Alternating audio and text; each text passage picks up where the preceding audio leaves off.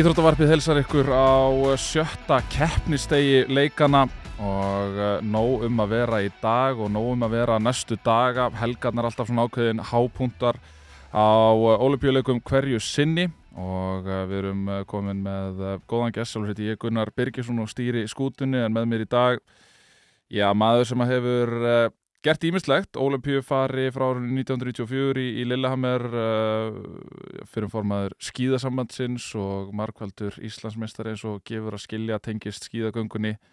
Uh, inn að rótum Daniel Ekkarsson, velkomin. Takk fyrir það. uh, Við lókar að byrja aðeins bara áður en að við förum yfir að, ræða daginn í dag og, og allt svoleiðis bara fyrir þá örfáu sem að kannski þekkjaði ekki. Út eins og áður sagði, fyrir Ólimpíu fari fær þarna Ólimpíuleikana 1994 og svona án þess að, að, að ég ætla að byrja á því að, hérna, að rósa þér eitthvað allt og mikið þá er það, ég meina er það ekki bestu olimpíuleikar Íslending svona heilt yfir? Ég veit það nú ekki, sko, uh, svo sem ekki gert neina út auðvitað því, en þetta voru náttúrulega gríðarlega flottir ólupíleikar og, og svona jackpot að, fyrir skíðagöngum mann að fá að taka þátt í ólupíleikum á Lillehammer. Mhm. Það var í 50 km gangunni 200.000 áhörundur, Mm -hmm. 16 km ringur og, og það var ekki sjens að heyra neitt gefa þér tíma eða neitt uh, hérna hvar sem er í brautinni. mhm, Þannig að fyrir, ég var 20 ára gammal þarna og fyrir 20 ára gamla strák var þetta náttúrulega ótrúlega upplöfun og, og maður er ákveðlega þakkláttur að fengið að taka þátt í því. Mhm, og líka kannski bara það að ég var í, í, í bara svona nánast formi lífsmins á þessu móti og átti uh, að mínum að þetta bara mjög góða göngu í 30 km og í raun og veru enn betri göngu í 10 km klassist mhm, en uh, þar hérna datt ég í, á mjög vondu stað og tapaði miklum tíma. En, en ég hef aldrei á æfinni hvorki fyrir niður síðar liðið eins vel og þann dag bara langt frá því. Þú endar nummer 38 í 30 uh, endar nummer 50 í 10 km göngunni en svona kannski til þess að setja þetta aðeins í samengi er náttúrulega Björn Deli sem að vinnur þarna á, á 24-20 uh, veist, við kannski horfum aðeins meira kannski bara í hlutfall frá sigurvera þarna er Björn Deli svona kannski að nálgast toppin uh, ef við, við tölum kannski um að toppurinn að það hefur verið kannski 98-99 eitthvað svo leiðis ég meina besti skíðagöngum maður kannski bara fyrir og síðar. Uh, að þú ert ekki nema þrejum mínútum á eftir honum sem að veist, verður að teljast gott og svo náttúrulega má ekki gleyma því að ef, ef við tölum alveg hreint út um hlutina það náttúrulega þá eru þetta leikar það sem að já, það eru nokkuð margir sem að keppa þarna mótið þér sem að stuttu setna eru, eru dæmdir í kefnisbann fyrir já.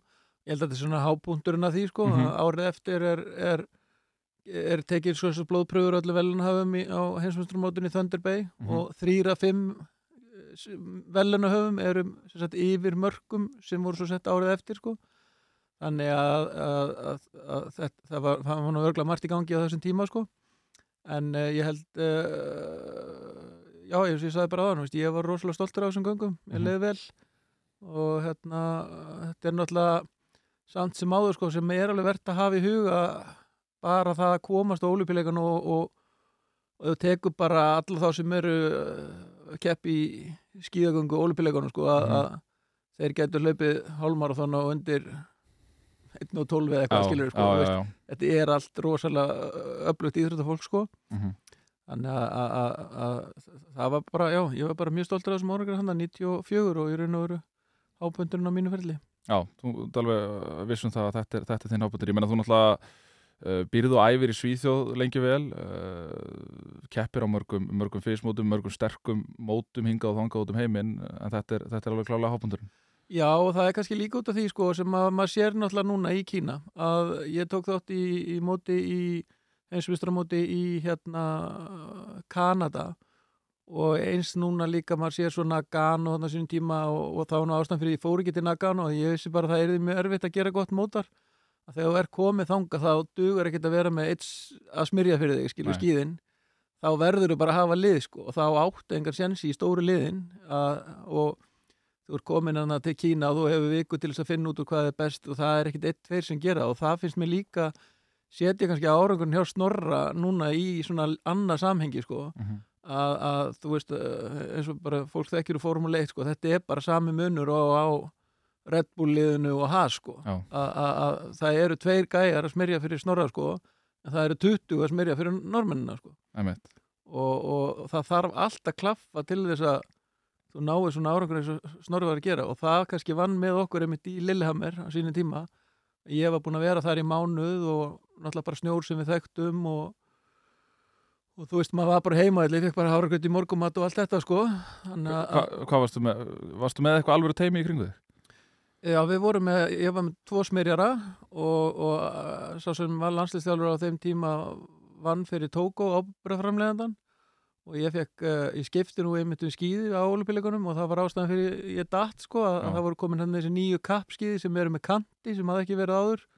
Þá, þá stóð kanturinn út úr skýðunum þetta var Já, f- fyrsta gerðin af því og það var þessi valdandi ég datt en, en, en við vorum alveg með dundu skýði sko. Það var kallt, það var hérna um 20 stöða frost og þá er nú svona frekar oft einfalt að, að hérna smyrja og þetta er áður en að steinslýpurinn og allt þetta kemur í skýðin sko þannig að ég held að við höfum verið með alveg sambarlega skýði sko en, en maður sé náttúrulega til dæmis eins og núna finnst mér í, ég er nú mikil svíði sko að, að ástæðan fyrir því að svíjarnir og jafnvel normennir í 30 km göngunni, skiptigöngunni Mhm. þeir eru bara ekki með eins góð skýði og sérstaklega ef þú tekur eins og Finnland með fjóra stelpur í topp 16 í dag og, og, og ég held að Teres Júga var alveg átt góða göngu sko Mhm. Að Niskanen er ekki 40 brot- brotum á eftir henni með sambærli skýði, ég held ekki sko. Nei, en þetta er einmitt eins og nefnir að þetta skiptir virðist vera og virðist alltaf skipta meira og meira máli að vera með einmitt þessi mál á hreinu. Því að þetta eru kannski sekundurnar sem að veist að því að nú eru allir farinir að æfa sjálfi í kaf og öruglega allir bara að nálgast þúsund tímana á ári. Já. uh, þannig að það eru þá kannski þessar sekundur sem þú getur sótt. Að því að það getur skipt rosalega, þú getur skemmt heila göngu bara með því að smyrja villust já, ég meina, þú veist, og ég held að sem báði sammála um það og horfum til þess að svo Húlund Mhm. sem er tveimur mínútum eftir Bolsjúna fyrir 30 km göngunni hann átti ekki lélegan dag sko. Nei, eða þú veist, hann leiti ekki þannig út fyrir nei, mér. einmitt, hann var allan tíman alveg á fullu sko. En, en þú veist það kannski bara í hverju skrefi þú veist 0,01 sekunda sem hann fer stittraði eitthvað sko og, og þá eru 5 sekundur eða, eða 10 sekundur á kílómetrin skíðin er alveg að gera það auðveldlega. Mhm. þannig að ég er ekki sen hefði unni ból sjúna sko en, en tveim mínútum eftir Já, já, þú veist skilur já, þetta eru skíðin sko. Ég, nú, ég, eins og ég segi, ég, ég eldi svolítið þá umræði punkta sem að hérna, þú ert að fara í en, en ef við tökum til dæmis bara svo þetta nú hefur verið mikið rætt og ritað um að þetta er náttúrulega í 1700 metra hæðan í Sangjóku uh, Theresa Júhaug fer svona aðra leið heldur en norski hópurinn. Hún og, og Klæbó gera í raun og veru sama. Þau sleppa, eða allavega Júhaug sleppir túrteski fer í þessi stað í, í svona hæðarþjálfun eins og þetta er kallað sem margir skíðamenn hafa, hafa nótvert sér og, og svona flestir eh, sænska, rúsneska, finska lið allavega hlutar af þeim sérstaklega voru þarna í kringum Sæsaralm og Ítalíu og annað slíkt sem er svona í svipari hæð. Uh, hversu miklu máli skiptir þetta heldur að vera undirbúin fyrir hæðina? Ég held að það skiptir mjög miklu máli sko. Ég held að það skiptir ennþá meira máli þetta með túrtu skí sem þú sagði sko. Mm -hmm. og ég held að Teres sem að það er náttúrulega ekkert að sanna á sínuferðli nema að vinna ólipíkull Mhm. þannig að mér fannst það að vera algjörlega augljós ákvörun fyrir hana að, að sleppa túrtu skí og einbytta sér bara að ólipíkullunum sem hún gerði, ég held að það en svo er þetta, þetta peningar og fólk þarf að eiga fyrir saltigrautin og, og, og hérna, sína sér fyrir sponsorina uh, sænsku stelpunar eru ungar veist, uh, þeim langar að vinna túrtuski og svo framvegis. En uh, það sem ég held að sé líka sko með þessa eldri keppundur að það er að þú eru líka að vita hvað þú ert að gera í hæðinni sko. Og til dæmis með unga keppundur og ég þekki það bara eigin reynslu að ef þú æfur of hratt mm. í Seysiralm í 1700 metra hæð Mm. og, og, og besta dæmi um það er Petter Nortug, við munum þetta því Já. þá getur þú bara farið yfir hábúndin og ert bara algjörlega ónýtur sko. Mm. og ég held að í einhverju tilugum hafa menn verið að reyna að passa það svolítið sko. A- að taka ekki þessa áhættu að þetta er erfitt að halda hraðan niðri, þú ert í góðu formi og ef þú bara fer aðeins og hratt í þessum æfingu þá, þá ertu bara að mínum að þetta er farin sko. Þannig að, veist, að það getur þá skipt máli til dæmis bara og bara í raun og veru reynsla af hæðaþjálfun. Að, að þarna erum við með til dæmis bara ef við nefnum eins og eins og til dæmis bara svíjana sem að náttúrulega virtust vera í raun og veru bara það sem að var það næst júhaug allavega á þessu tífumbili og síðasta að Ebba Andersson og Frida Karlsson svona besta dæmið að, að, að, að þeim, þeim skorti kannski bara reynslu í eins og til dæmis þessu aðlaga sér hæðinni Já, og þekkja sjálf sig, svo held ég nú reynda líka sko, að til þess að allra sangirni sé gætt Já. að eins og ég sagði á hann, Júhaug ætlaði sér að vinna ólupíleikana og þegar Frida var að vinna hana í haust þá held ég að Frida hafi verið í toppformi mm. á hábúndunum en ég held að Júhaug hafi átt aðeins inni sko. Mhm. hún var örgulega að æfa mjög mikið þannig í nóvambur og desember nokkuð samfarið um það og ekki búin að sleppa forminu upp sko, eins, og, eins og maður kallar það sko. Mm. en ég held að, að þetta sé nákvæmlega sem þetta segja að, að hérna, ég held að það nú þess að komið inn á því jólubíkvöldi sko, að varandi brunið og allt þetta sko, að þegar þú ert að komin á svona framandi stað, þú ert komin til Kína eða Sochi eða eitthvað svo leiðis það uh, liðin þekki ekki í snjóin þú veist, þú ert bara í nýri braut uh, það er svo margt nýtt að bara það að vera eins og til að 30 ára pluss, hún hefur gert þetta áður Mhm. og veist, hún veit hvernig snorri einars annar dæmi, þau vita hvernig það eiga einhvern veginn svona að haga sér í nýjum aðstæðum Já.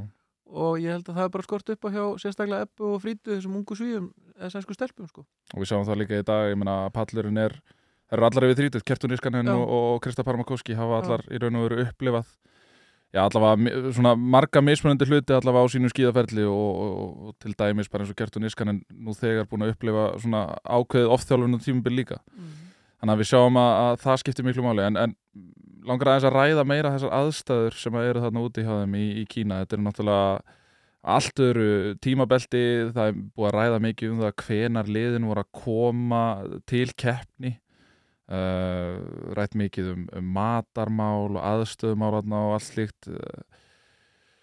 Hv- hversu miklu máli skipta þessar utanakomandi aðstæður þegar, þú ert komin í keppni? Ég meina, þetta skiptir þetta máli en hversu miklu máli skiptir þetta Mér fannst þetta alltaf skipta miklu máli fyrir mig og mér fundist það nefnilega stundur svolítið furðulegt sko, með að við að horfum bara á svo norska og sænska lið þú veist, það er ekki það er sannlega verið að setja sko ég veit ekki, þú veist, 50 miljónir per keppenda, skilur í, í, í undirbúa krak- eh, þetta fólk fyrir leikana mm -hmm.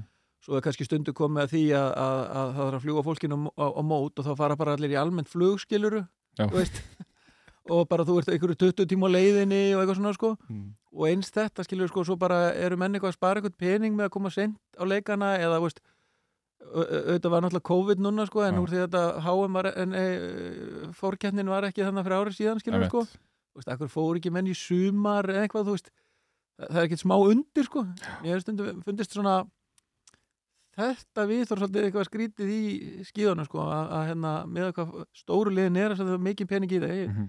Skil svo sem að Íslendingarnir sé ekki að fara þannig sko. En, en, en þú veist að, að mér finnst oft vantar svolítið upp á þetta og veist, mér finnst þetta skrítið vegna þess að þetta skiptir veist, bara þú veist að viti hvað er hægur og vinstri og, og, Já. og sérst búin að labba hringin og laupa hringin þetta skiptir öllu máli og það er algjörlega augljóst að þessar brautir hérna sérstaklega í skiptigöngunni eru mjög erfiðar. Það eru langa brekkur það er hægt reynsli að, og menn er að ganga frekar hægt sko. Mhm. þannig að ég held að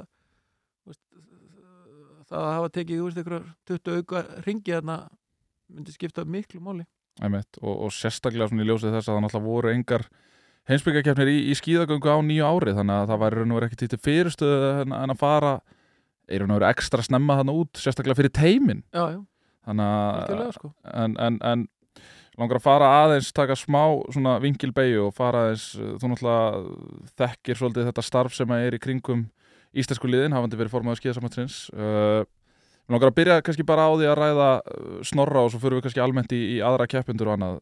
Uh, Snorri Einarsson er þarna 29. sæti og jafnar sætislega besta árangur Íslendings á, á olimpíuleikum uh, frábær árangur og, og eitthvað sem að, að, að hann getur klálega verið stoltur af. Mér langar að velta því fyrir mér hv- hvernig er fyrir okkur að eiga að keppa þetta sem þetta er í 2009. seti sem að í raun og veru, þú veist, ef við setjum þetta kannski í samengi við, eh, þú veist, ef við tölum bara um fótbolta eða körfu eða eitthvað svona, að þetta er raun og veru eins og fyrir fótboltamann bara alast upp í, í akademíunni hjá, hjá Manchester United eða Arsenal eða eitthvað svo leiðis. Ég meina hann í raun og veru elst upp í Noregi og er þar svona fyrstu ár félagsins hversu, hversu svona hversu mikið getur við leift okkur að eignast í, í þessum árangur snora alltaf meira og meira Já. hann náttúrulega býr í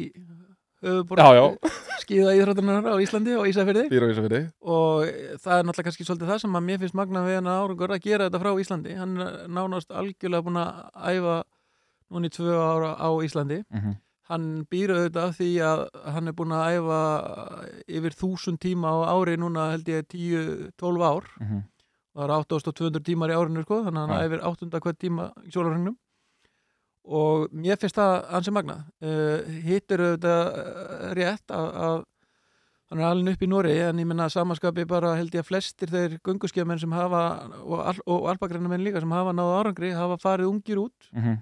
uh, sæfa bróðin fyrir í Mhm. mentarskóla til útlanda 16-17 ára, mm Mhm. ég gerði það uh, og, og, og bara flestir þessi krakkar sem eru þannig að ég held að það sé útilokað að, að ná góðum árangri á ólupíleikunum og alltaf taka mentarskóla á Íslandi. Ég held að þú verður bara að fara út. Það væri raun og veru svolítið það sem ég var að, að reyna að komast að er, er bara að erum erum við sagt bara í raun og veru að segja það að, að, þetta, að svona árangri væri ekki hægt að ná verandi á Íslandi frá blödu barspenni og, og, og þanga til að maður verið þrítur Nei, það held ég ekki.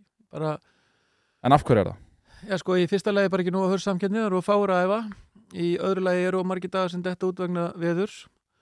og ekki þá getur ekki farið út í vondu veðri en bara þú ert að æfa svona mikið og bætir svo onna að önnur æfingar í rók og regningu og kulda sko Mm -hmm.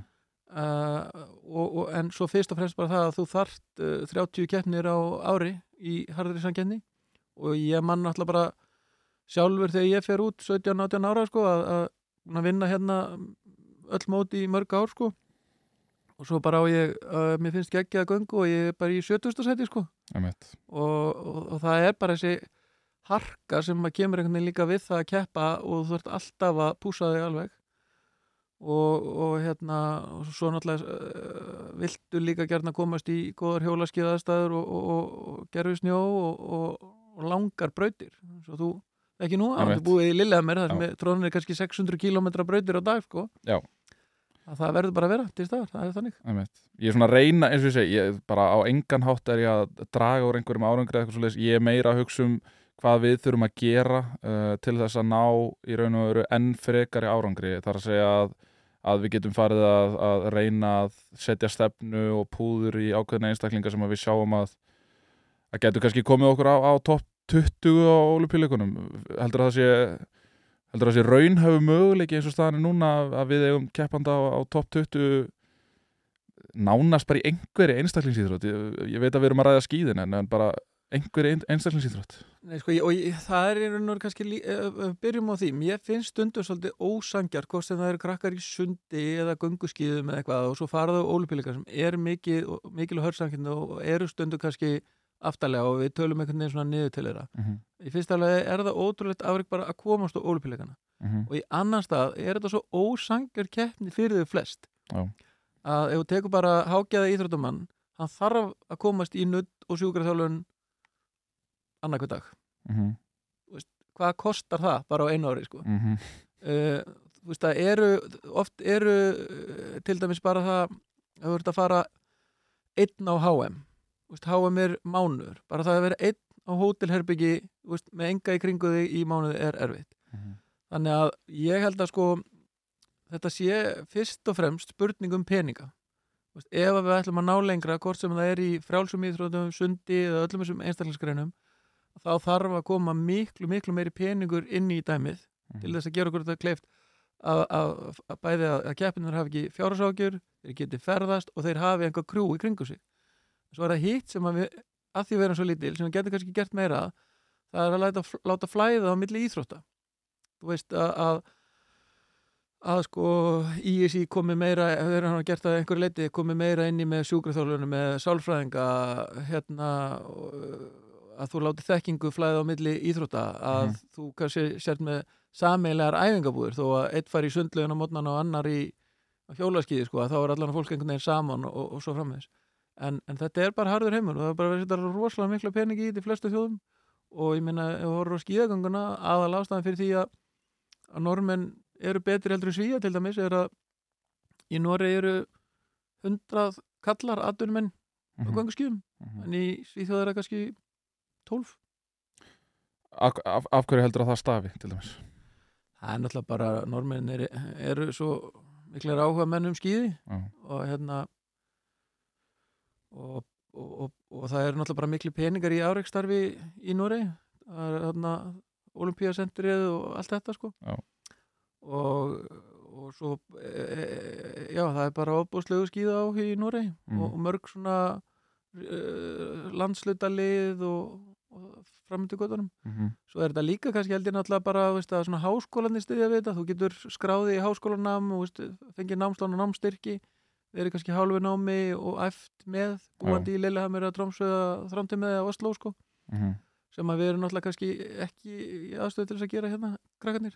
Þannig að svona við stoltið hérna á Íslandi að eftir og byrjar í mentaskóla sko þá er svona tekur kerfið kannski ekki alveg nægilega vel við þér veginn sko svona að því og það er líka í mörgum íþróttum að flytja kannski til útlanda sko. Og, og, og svo kannski líka einmitt punktur með það að þú veist það, það er öruglega erfitt að horfa upp á það sem ungur íþróttamaður eða ung íþróttakona að, að vita það að ef þú ert kannski segjum bara að þú ert fín í fótbolta eða handbolta eða körfubolta að þá getur þú fengið þá getur þessu laun fyrir að vera bara fín í raun og veru eða fín í þinni íþrótt. Meira þess að bara þú sért að spila kannski fyrstudild karla í, í fótbolta eða eitthvað svoleiðis að, að þá ertu kannski með, með betri laun og kannski eitthvað meira öryggi heldur en, en, en ef þú værir já, skíðamaður sem að þarf að treysta á, á já, sterk fjárframlög í kringum sig sterk fjárframlög frá fyrirtækjum því að ekki geta þér sótt mikið í reyfinguna Nei, nei, það er líka öðruvísi í liða íþróttum sko, það er einhvern veginn svona einhver hópur í kringu það að safna peningum í liðið sko, Mhm. að meðan í mörgu tilvíkum í einstaklis íþróttum þá þarftu bara að sækja peningarna sjálfur. Og það er auðvitað svona staða sem engin íþróttamæður á einhvern veginn að þurfa að vera í að þurfa að ringja sjálfur og betla pening sko. Og svo finnst mér þetta líka sko bara að íslensk fyrirtæki gætu gert meira í því að nýta sér þetta sko því að þetta eru náttúrulega flotta fyrirmyndir og e, yfirleitt alltaf flotta fyrirmyndir. Og maður sér alveg til dæmis eins og svíjarnir eru algjöru snillingar í því að, að, að nýta sér það að vera með einhvern íþróttamann að vera með auglýsinguna á einhverjum íþróttamanni. Þú veist, þeir, þeir kaup ekki bara auglýsinguna á búningin sko, þeir leggja líka pening í að, að marka setja vöruna íþróttamannin og, og, og, og gera það sem sagt, setja kannski miljón í íþróttamannin og miljón í að kynna íþróttamannin Nákvæmlega og ég held að þarna séu sóknarfæri fyrir íslensk fyrirtæki að, hérna, að, taka meiri, meira á sig í þessu því að þetta, þetta er hérna þetta er bara sko hérna, heldur frábær fjárfesting fyrir fyrirtækin mm. -hmm. að, það er þetta að fá íþróttamannin kannski inn í fyrirtækið og, og hérna aðstóða starfsfólki við þjálfun fyrir, eða undirbúið sér fyrir e- e- einhverja almennings íþróttagrein eða eitthvað svo leys þannig að, að ég, langar nú eiginlega bara svona hvetja íslensk fyrirtæki til þess að horfa meiri þess átt. Já, já, maður sér þetta sér mikið af þessu erlendis að þú veist, bílaframleiðundur að gefa bíla og það er mynd af, af einstaklingum framan á og eitthvað svoleiðis Já. og allt svona náttúrulega styrkir alveg slatta uh, hefur þú séð og tekið eftir mikillir breytingu á þessu bara frá því að þú varst sjálfur í, í þessu, ég meina, er breyting til eins betra þar að segja á, á undanförnum árum sko, mér hefur fundið alltaf breytingin hérna er auðvitað aðeins í þessu samfélagsmiðlum að sagt, íþróttamenn sem að eru kannski ekki endilega bestir en ná að setja sig fram skemmtilega á Instagram eða TikTok eða eitthvað. Að við þekkjum það nú bara hér frá Íslandi það eru til íþróttamenn sem hafa meira upp á því að, að vera Instagram stjórnir heldur en að spila fótbolta Já. að, að sko að það er orðið svona beitna samband þarna á milli og líka það að að sko hetjunar eru ekkit endilega lengur afrisýþróttafólkið heldur uh, kannski bara fertu kona sem næra að vera successful á hérna atvinnumarkaðanum, eiga þrjú börn og keppa í utanvæðalöfum Mm -hmm. og gera það með stæl sko. og, og er, þannig að það er orðin samkeppni að að svona frá þessu fólki við afreiks íþróttafólkið okkar og einn vinnu minn sagði nú hérna meiri grínu samt í svolítið alveg sko, að eftir svo maður æfi meira verður einhverjari sko, meira introvert einhvern veginn sko þannig að þú veist, þegar þú ert að æfa fimm tíma á dag sko, þá ert ekki að fara líka að blogga og, og vera skemmtilegur og, og taka eitthvað content sko, veist, Nei, nei. þetta er, þetta er snúið sko. Þetta er mjög snúið. Uh, Ég gerir svona ráð fyrir að þú sért búin að fylgjast nokkuð vel með, með olimpíuleikunum hinga til. Hvað er svona búið að vera uppáhalds viðburðurinn hinga til? Sprettganga hvenna að sjálfsögðu, að sjálfsögðu.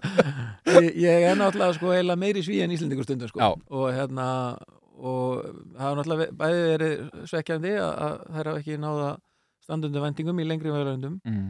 en líka bara það hvernig Jonna Sundling gerði þetta fannst mér í, í göngu kvenna að sprettgöngu kvenna að hérna hún er búin að vera meitt í allan vetur og, og, og bara einhvern veginn svona hugtar þær til bara Ja, labbar, bara- labbar þær í spað Ég bara aldrei séð svona yfirbyrði held ég. Ekki síðan að ég byrjaði að fylgjast með allavega. Hugsanlega einhverja bestu göngunar hjá Klebo sko. En, en, en ekki á ólupjuleikum með heimsmyndstarmóti skilur Nei. þannig að það var frábært.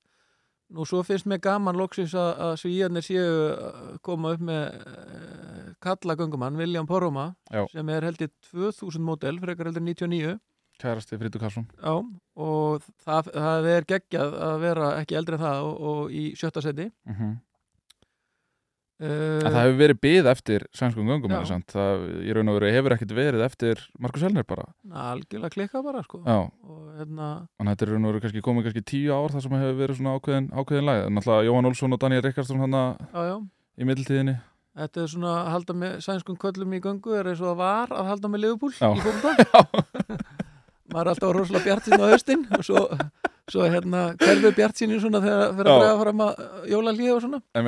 En, en hérna, já, það, mér finnst það skemmtilegt og það er þetta gaman líka að hérna finnsku keppinir hafa náð góðum árangri. Mm og margar þjóðir, bæði í skíðaskotfuminni og í gönguskjóðunum á palli.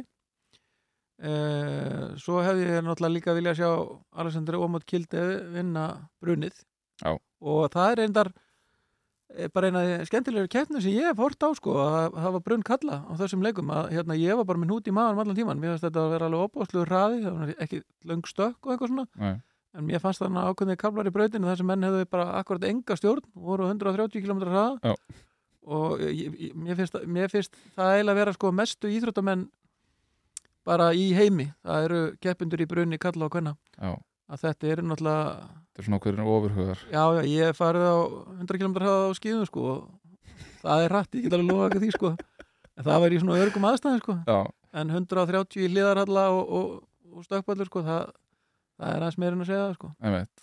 En að því hún nefnir finnana, ég, ég samanlegri því að maður hefur rosalega gaman af því að, að sjá finnana og, og svona gæi eins og, Ivo Niskanen til dæmis í göngunni. Þetta er svona rosalega auðvelt að rífast með þessum gæja en, en svona líka kannski auðvelt að rífast með finnunum sem eru náttúrulega bara eins og við komum inn á einn í byrjun að eru svona kannski að endur vinna tröst almennings eins og, eins og rússarnir eftir, eftir svona ákveðna skandala í kringum aldamót þar sem að, að þeir náttúrulega áttu marga fremstu gunguminum heim sem Mika Millila og Harry Kirvisnemi og Jari Ísumetsu og fleiri sem að síðan allir voru, voru, voru teknir var það ekki kringur lagti í 2001 sem að afdrifar ykkar mótið í Það var lagti af- af- Aftakan uh, hlýtur að vera gaman að sjá bara eins líka bara fyrir þig sem skýða á hann að sjá finnan aftur í, í fremsturöð Já, Ívo náttúrulega hefur bara margótt sagt að menn, hann er náttúrulega mótast þarna, ég nú ekki alveg hvað mótalega hann er en hann er bara ungu strákur hérna 2001 skilur Já. og úst, skamma sín náttúrulega eins og öll þjóðin. Og ég held að í dag séu finnanir alveg reynir og, og Mhm. flestir eru reynir, það er orðið mjög mikið að testum. Eh, flestir ef ekki allir. Og, og hérna og náttúrulega sjá líka Ívo hérna sem er náttúrulega klassísk spesialist ná, ná að klára þarna skiptigönguna. Að það leit nú ekki þannig út þarna þegar hann missir á Bolsjúnov sko, maður held að Húlund að þeir myndi bara ná hann með 100 metra sko. Ég var svona nokkuð vissum að hann myndi bara hætta. Já, já. Þetta, var var bara, þetta var bara þannig sko. Já, svo rífur hann hann að drikk held ég einhverju normanni á einni drikkistöðinu og næra að keira sér aftur í gang. Mm og það var alveg frábært og, og eins náttúrulega sýstir hans í morgun að ég held að hún myndi skíttapa þegar ég sá hann hann að 8,6 Já. þá voru hann orðinni sekundu eftir sko. -hmm. og, einhvern veginn að- og, og, og, og mér fannst bara Júhók vera bara að gefa í sko. Þannig að, að, að hún skildi ná að nánast að vinna hana var náttúrulega algjörlega ótrúlegt en, en það var líka mikið niður á kalla, kabla sem sýnir náttúrulega það að þeir hafi verið með geggjur skíði sko. Það er alveg klárt. En, en fyrst þú nefnir Júhug að uh, þú veist ég, ég er náttúrulega alltaf mjög jákvæður í er Já, já, já, það, það, eins og gengur að og gerist. Eins og gengur að gerist, nei, ég er búin að mildast mikið í því ég er búin að mildast mikið í því. Hérna, nú hef ég aðalega gaman af og sérstaklega bara eins og að horfa á, á heimsbyggarinn fyrri vetur þar sem voru bara norðmenn og svíjar alltaf í eftir sætunum. Já, já. Auðvitað er þetta ekki gaman veist, þetta er ekki gaman fyrir almenna skýða áhuga mann sko, og ekki einu svona íþrótta áhuga mann að þessi alltaf sömu tvær þjóður og sama hjá köllunum að þetta var einhvern veginn alltaf bara á milli normann og rússa Mhm. auðvitað vill maður fá fleiri þjóður og þess vegna fagnar maður ekstra mikið þegar, Jesse Dickens og, og fleiri koma, koma inn á velunapall sko. Það, er, það er vandamáli sko finnst mér í, í, hérna, í skíðagöngunni ólíkt hérna, skíðaskotuminni að normin og rúsa mega senda sjö aðela mm í heimsbyggarinn í göngu og þú sér til þess bara eins og 30 km göngunni þá klikka tveir hjá normunum og, og þá eru bara tveir eftir sko. en e- ef að norminni hefði fengið að senda sjö og rúsarnir sjö skilur þá hefði þetta bara verið normin og, rúsar sko. Að og það er líka munurinn á skíðaskotuminni að, að sagt, ef þú ert á túrnum í skíðaskotuminni að þá færðu nóg svona til þess að koma á milli móta þú veist, borga fæði og uppihald og einhverja ferðar á milli móta -hmm. Á meðan að peningarnir í göngunni fara allir eiginlega í Red Group sko, sem eru fyrstu 30 Já. þannig að þetta er svona heima tilbúið vandamál hjá göngunni að ég held bara að við þurfum að koma stæðstu þjónu niður í fjóra-fimm bara að það sé þannig með alla uh, fjör, og, og gera fleiri þjóðum kleift að- að að taka þátt og sér þess og í skíðaskotuminni bara bóðgöngu kvenna, ég er ekki bara 25 sveitir eða eitthvað? Já, ég myndi alltaf að vera eitthvað í kringu svo Já, það er kannski 12 í göngunni Já, Skilurðu? mjög mikið. Og, og hérna, þetta er einmitt góða punktur sem, þú nefnir og annað kannski í tengslu við það að, að skýða gangan hefur raun og verið lítið hvað maður að segja, hún hefur lítið þróast kannski frá 2002 2000 Mm. 2002-2006 eitthvað svo leiðis, ég meina var ekki byrjað er ekki fyrsta sprett gangan individual sprett gangan, er það ekki 2006 í Torino að mér minnir, frekar en 2002 uh, það var allavega öðru hvori þessu leiku það sem, það sem að þið byrja. Á olimpíuleikum ég held að sko 2001 er örgla Túran Hetland heimsmeistari já, í Latti í Lati. Uh, en, en að- þetta er svona kannski eitthvað sem hefur skort hjá göngunni sem að skíðaskotuminn er að gera vel. Skíðaskotuminn er alltaf finnst manni að leita leið og ég eftir að fá Ingól, Hannesson hérna til þess að ræða betur aðeins mekanisman á bakvið skíðaskotumina en, en mann finnst skíðaskotuminn alltaf vera að leita leiða til þess að gera eitthvað nýtt til þess að halda áhuganum uh, þessi, þessi mix relay hjá þeim sem hafa hefnast mjög vel það er að þeirra kall og konur keppa saman. Mhm. við sjáum þetta eiginlega í bara mjög mörgum öðrum greinu til þess að í frjálsum. Já, hefur ekki skíðagöngunum bara mistekist að, að einhvern veginn fylgja, fylgja með? Jú, það er tvent í þessu sko, það er í fyrsta lagi hjá skíðaskotum það er á ypju mótin, heimsbækirinn mm -hmm. og er eiga sendingaréttin eiga mótin og þeir mæta bara að segja þetta er bara svona, viltu halda mótið ekki? Eh, í skíðagöngunni þá eiga sér satt uh, skíðasambundin í hverju landi mótið og hafa svona eins og til þess að þú tekið eftir að, að, að mótin frá Sviss hafa verið sínd á NRK og SFT í vetur og það er út af þessu.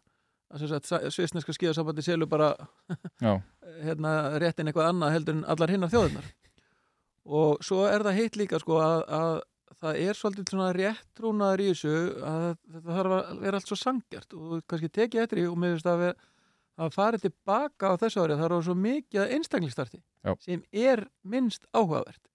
Og mér fannst allir að skrifa rétt átt og, og keppinur hafi gaggrita mikið að í tútu skí þá var eiginlega bara hópstart á hverjum degi. Og ég vil sjá miklu meira hópstarti minna þessu jakstarti já, eltistarti sko. Já, og, og við þekkjum bara Tour de France á, á hjólum. Það er Mhm. koncept sem virkar vel.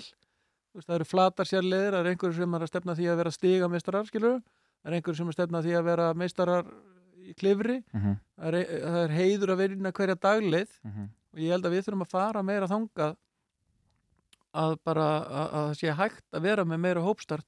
Þá þarftu þetta svolítið breiða braut sko, sérstaklega í skautinu og hverfa daldi meira frá þessu individual start sko. en þetta eru því miður áhrif normana eru mikil í þessu og Já, þeir en- vilja þetta bara en helduru að það þurfi ekki líka því að við rættum alltaf peninga þarna áðan uh, þegar kemur á íslensku íþróttamunum en ég meina þetta þarf líka að vera meira attraktíft fyrir uh, þar að segja að þú vitir að þú sérst að vinna að einhverju sem að getur gefið þér eitthvað lífsviðværi eftir ferilina því að peningarnir sem eru í þessu í dag þetta er ekki neitt, Nei, þetta er ekki neitt þú veist ég meina, eins og dæmis bara með túrti skí þetta eru sex keppnir á 8 dögum. Mm -hmm. ég meina þetta hafi verið ykkur 50.000 svisneski frankar fyrir þetta. Já, já, Þú bara, veist, það var alla tekur í að spenna sér skíði fyrir Nei, þetta sko.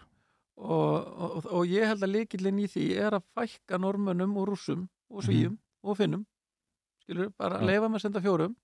Og þá ertu með eitthvað þjóðvera að tjekka eða hvað sem það er í topp 10 og þá byrja menn aftur að sína það ég held að sé bara mjög margar af þessum með Európa þjóðum sem er hættar að sína beint frá skíðagöngu sko. Þetta byrjaði aftur núna í Rúslandi ég held að sé í opinni dagskrá í ríkisjónarspunni skíðaganga það hefur gert mikið og maður sér að það eru mjög miklu peningar hjá rússonum í skíðagöngunni Já. en, en þessar þjóðir uh, sem er náttúrulega líka bara hluti af hérna global warming sko uh, miða Európa þjóðunar Slóvinja, Slóvakia, Tjekkland uh, og jafnvel hérna uh, gömlu Sovjet-lífildin sko, Kazakstan, Hvítarúsland og allt þetta Mhm. þetta er bara horfið úr göngunni þau eru bara Mhm. öll komin í skíðaskotumina og ég held að það sé út af þessum peningamálum og svo veit að náttúrulega líka það að, að þú ert komið með þetta skotelement inn í þannig að þú getur skot, dottið í lukkupottin Já. og hi- hitt öllum skotunum unni mótið sko. Já, eins og við sáum með smólski í, í hérna í 20 km gangunni hjá Köllunum. Það er svona einstaklingur sem að einmitt, hitti bara öllum skotunum og þá allt í náttúrulega mættur á, á velunapall Já. en þetta er alveg klálega eitthvað sem að manni finnst svona að mætti bæta sérstaklega eins og í skíðagöngun að þeir eru að spila í raun og veru þráttur að þeir séu öruglega að æfa langmest að þá eru þeir öruglega á lélegasta tímaköpunu af, öllum, af öllu skíða fólkinu því að meira þess að þú veist þessir brettagæjar og skíða hérna, fimigæjar og allt þetta þú veist þeir eru þá kannski bara að, að negla einhverja auglýsingasamninga upp á, upp á marga marga miljónir á meðan að þetta eru kannski þetta eru kannski tvö, þrjú nöfn í, í, í hvorum kynjaflokki að, sem að geta herjað á einhverja alvöru auglýsingasamninga uh, og geta fengið einhvern svona pening sem að, sem að heldur þeim að flota eftir fyrirlin ég meina það er rosalegt að sjá bara þessa, þessa gömlu hetur að, að ef við tökum bara eins og, Björn veist, ef, ef hann væri ekki þessi fjárfestir og, og, og, og með þetta fatamerki sem hann væri að ég meina ef, ef vinningsfjöð hans á sínum tíma þótt hann hafi unnið nokkuð mikið þá var það ekkert að fara haldunum á floti Nei, nei. Ég held að sko, ég hef einhvern tíðan tjekkað á þessu sko, að Teres Júhög er kannski með eitthvað svona bílinni 300-500 miljónur ári í tekjur Mhm. sko og náttúrulega eitt bróstaði eitthvað kemur úr veluna fjör sko Já. Þannig að þú þarf að búa til eitthvað annað þú færðu þetta eitthvað fyrir skíðin og, Mm. og hérna þannig að tengjast einhverjum svona aðlum sko. En þú veist bara þú ert 50 besti í Nóri og, og fe- ferillinni búin sko. Þú, þú kannski fer sparlega með getur getur lifað á þess að fara að vinna sko. Mm -hmm. en þetta eru örf og ræðalega sko sem geta það. Og, og, og, og það er bara enn og aftur sko þetta sem ég segi sko að, þú veist, að það er alveg hægt að breyta þessu ef, ef, ef vilja er fyrir hendu ég held að menn þurfa líka eins og bara alþjóða skíðaskot með sambandi, það hefur nálgast skíðasamband Íslands, þú veist, getur við þróað ykkur áfram sko, því að þeir skilja að það er mikilvægt að hafa marga þjóðið með sko að meðan í skíðagöngunni allavega þegar ég var í stjórna skíðasambandina, það var rosalega það, var Bara- eftir, það var engin eftirspurning í okkur Nei, það var bara Austuríki, Sviss og Frakland og einhverjir í Alpagrænunum og svo bara mm -hmm. Norugur og þeir í göngunni sko. Mm og átt að reyna að raka inn eins mikið af peningum og hægt var þang, þar. Og maður segir líka náttúrulega til þess eins og bara með normennina að sko akkur fjárfesta þeir ekki í þjóður hvernig þá? Já, veist, akkur norsk fyrirtæki og norska skíðasambandið og aðrir Mm. akkur fjárfesta þeir ekki í að búa til góða þýska göngumenn? Því að það mun stækka íþrótuna og auka tekjurnar sko. Einmitt. Þú verður að hafa Þýskaland inni og það er ástæðan fyrir því að gangan er minnsta íþrótin að því að bara ef þú tekur skíðastökkið bara reisastort í Pólandi og Þýskalandi Já. þú veist, uh, Norrön tvíketni mér þessa sem er nú reyndar fyrir neðan ganguna er enga síður stóri í Östuríki og, og, og, og, og Þýskalandi sko mm -hmm. á meðan að gangan er alltaf að færast norðar og norðar Svíþjóð, Finnland Norður og Rússland sko Mhm. svo bara fyrir sunnan en reynda gleðilegt núna, veist og var þýsk stúlka í Það var í Katrín- endar í fymta eftir nefnpræfi sem að kemur hann í fjörða Henning sko, Já. allt þetta hjálpar. Já, það þarf að vinna markvist að þessu sko.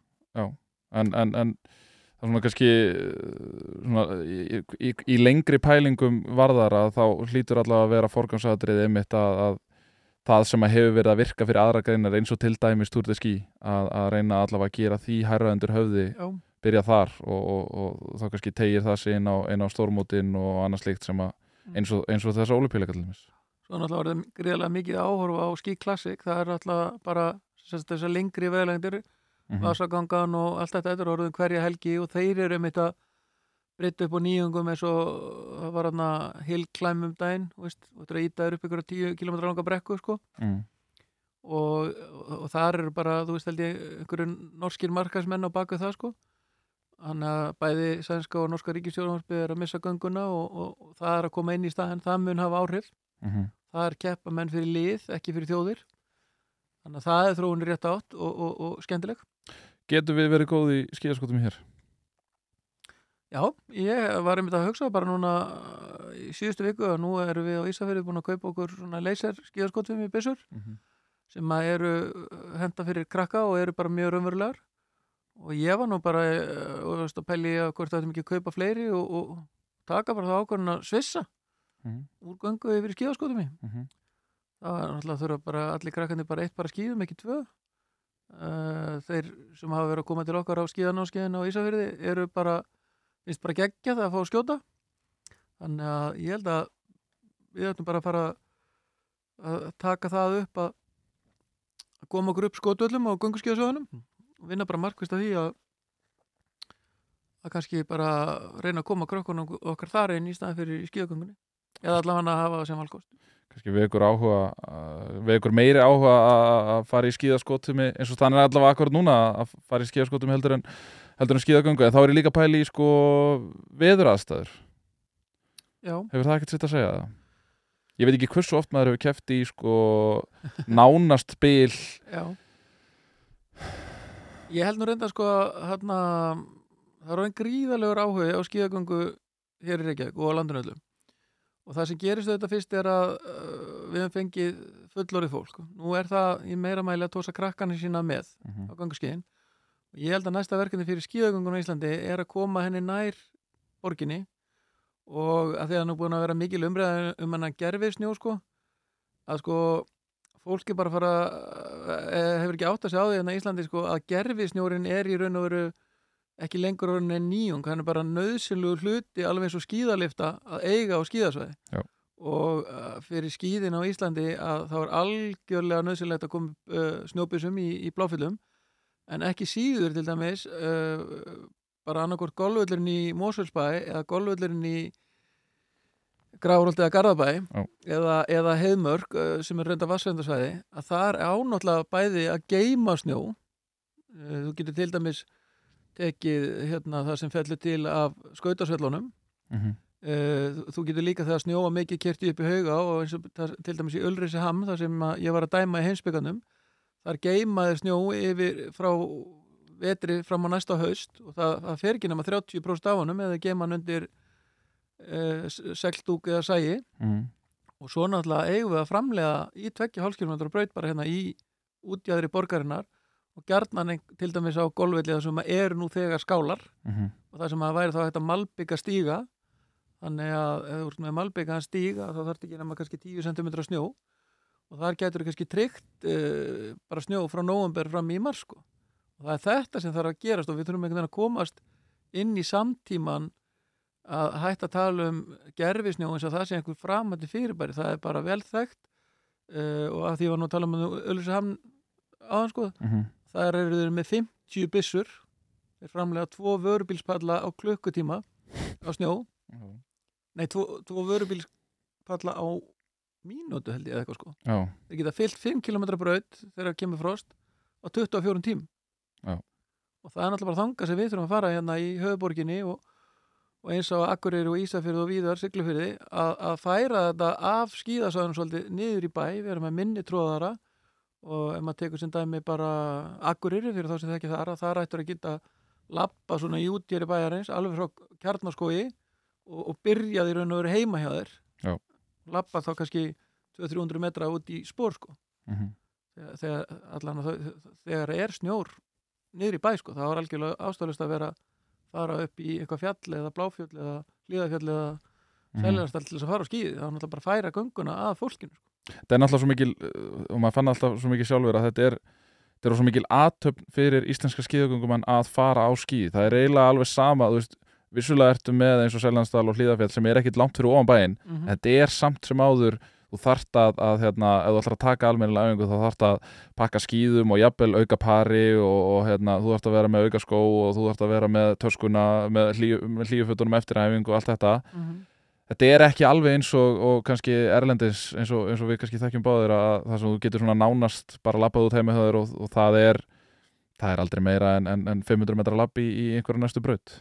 Við þurfum bara að komast þangað annars vegar að, að það sé tróðið með einföldum hætti og það sé hugsa fyrir því að sumri að hér sé þetta að keira með tróðara veist, nálagt bænum og, og, og, og svo að framlega snjó og til dæmis sem að teku bara sem dæmi henni hérna í Reykjavík að, að þú myndir framlega bara, bara í 1250 metra langa braut fram og tilbaka, þá er það 2,5 km ringur fjórar ferur eru 10 km það er svona normal æfingin það dugar þeir alveg á þriðutaskvöldi sko. svo það fyrir kannski bláfjöldum helgina sko, eða þá dagar sem er gott veður sko. mm -hmm. Þannig að ég, ég vona svo innilega að, að hérna, ég verði að tala fyrir þessu meðal skeigung fólksefna í, í, í Reykjavík og ég vona að menn hafið þóri að stíga þetta skref að, að, hérna, inn í framtíðina og byrja að framlega snjó. Þetta betur. Við förum svona að slá botnin í þetta hjá okkur í Íþróttavarpinu í dag. Minni að sjálfsögða á Ólimpíu kvöld í kvöld klukkan 20.05 í betni útsendingu á RÚF uh, Svona áður en að ég kveði Daniel, hver vinnur 15 km skíðagöngu kalla? Ekki leiðilegt að segja það sko en það er nú sannlega Ból Sjúnof Já. En ég vil hins vegar segja það að í 50 km á snorri raunhafan síðans á verið top 20 það var 18 sekundum frá bronsunni í Sefeld Já. og e, þetta er erfið braut, það verður margirlóndi þreytir þannig að það er hábúndurinn á leikunum hjá mér Mm -hmm. það er 50 km hjá Snorra ég þess fullvis að ef allt gengur upp hjá hann að þá er ég nættur að bæta besta árangur íslensk skíðangungum hans á ólupíleikunum Algjörlega, og bara gaf góð fyrirheit hefbunni hlutinans í, í skiptegöngunni Já. Daniel, þakka þér kærlega fyrir komuna.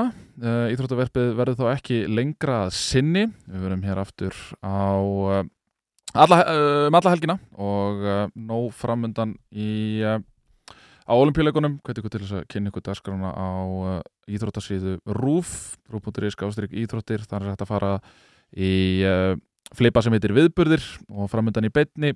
Og það er hægt að sjá nánari dagskrá en íþróttavarpið hviður að sinni, verið sæl